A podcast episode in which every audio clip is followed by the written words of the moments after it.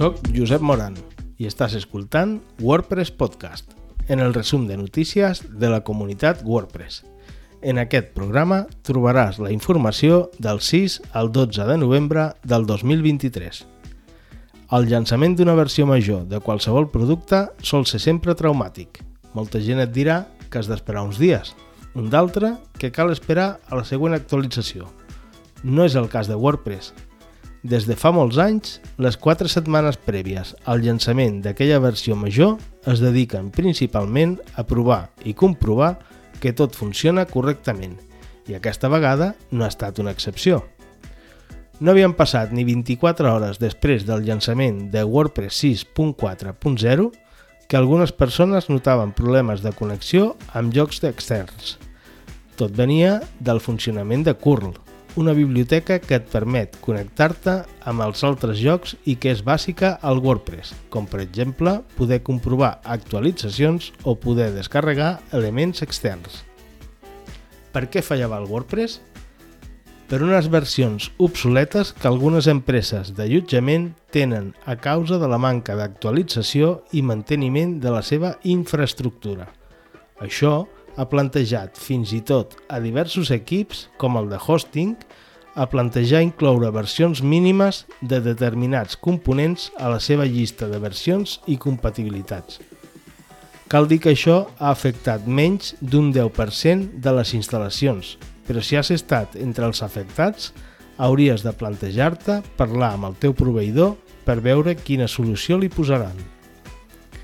Ha funcionat bé el WordPress i el seu desenvolupament? Sí, perquè un cop detectat el problema, al cap d'unes 12 hores ja teníem la versió WordPress 6.4.1 que alleuja la vulnerabilitat de curl mitjançant software. No és elegant, però funciona. No hem de quedar enjornats per aquesta situació imprevista, perquè al cap i a la fi tenim dues noves versions de WordPress, la 6.4.0 i la 6.4.1. Tot va començar amb el llançament d'una versió extra, la de WordPress 6.4.0 RC4, que no anava a afectar el llançament general i que corregia tres elements que afectaven principalment els temes i els patrons. I, com en les darreres versions, el procés s'iniciava amb la congelació de 24 hores del codi i la festa de llançament el dia següent, com estava previst.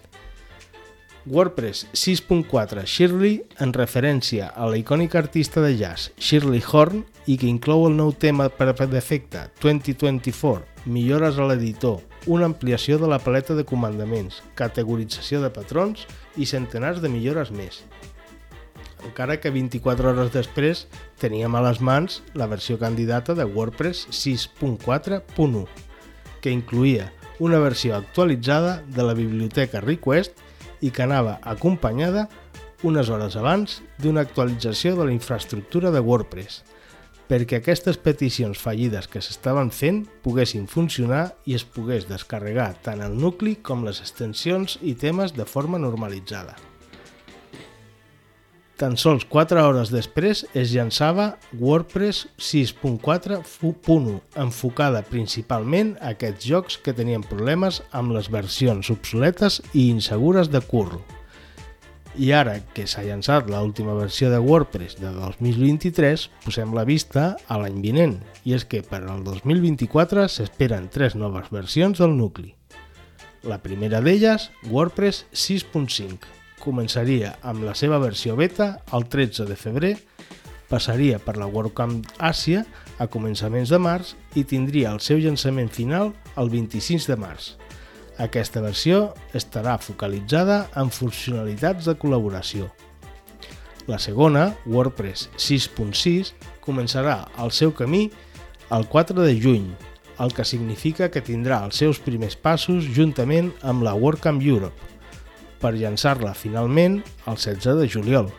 Aquesta versió estarà centrada en millores i correccions. Finalment, la tercera, WordPress 6.7. Hauria de començar la seva fase beta el 24 de setembre. Probablement passarà per la WordCamp US, sense data encara, per tenir el seu llançament el 5 de novembre.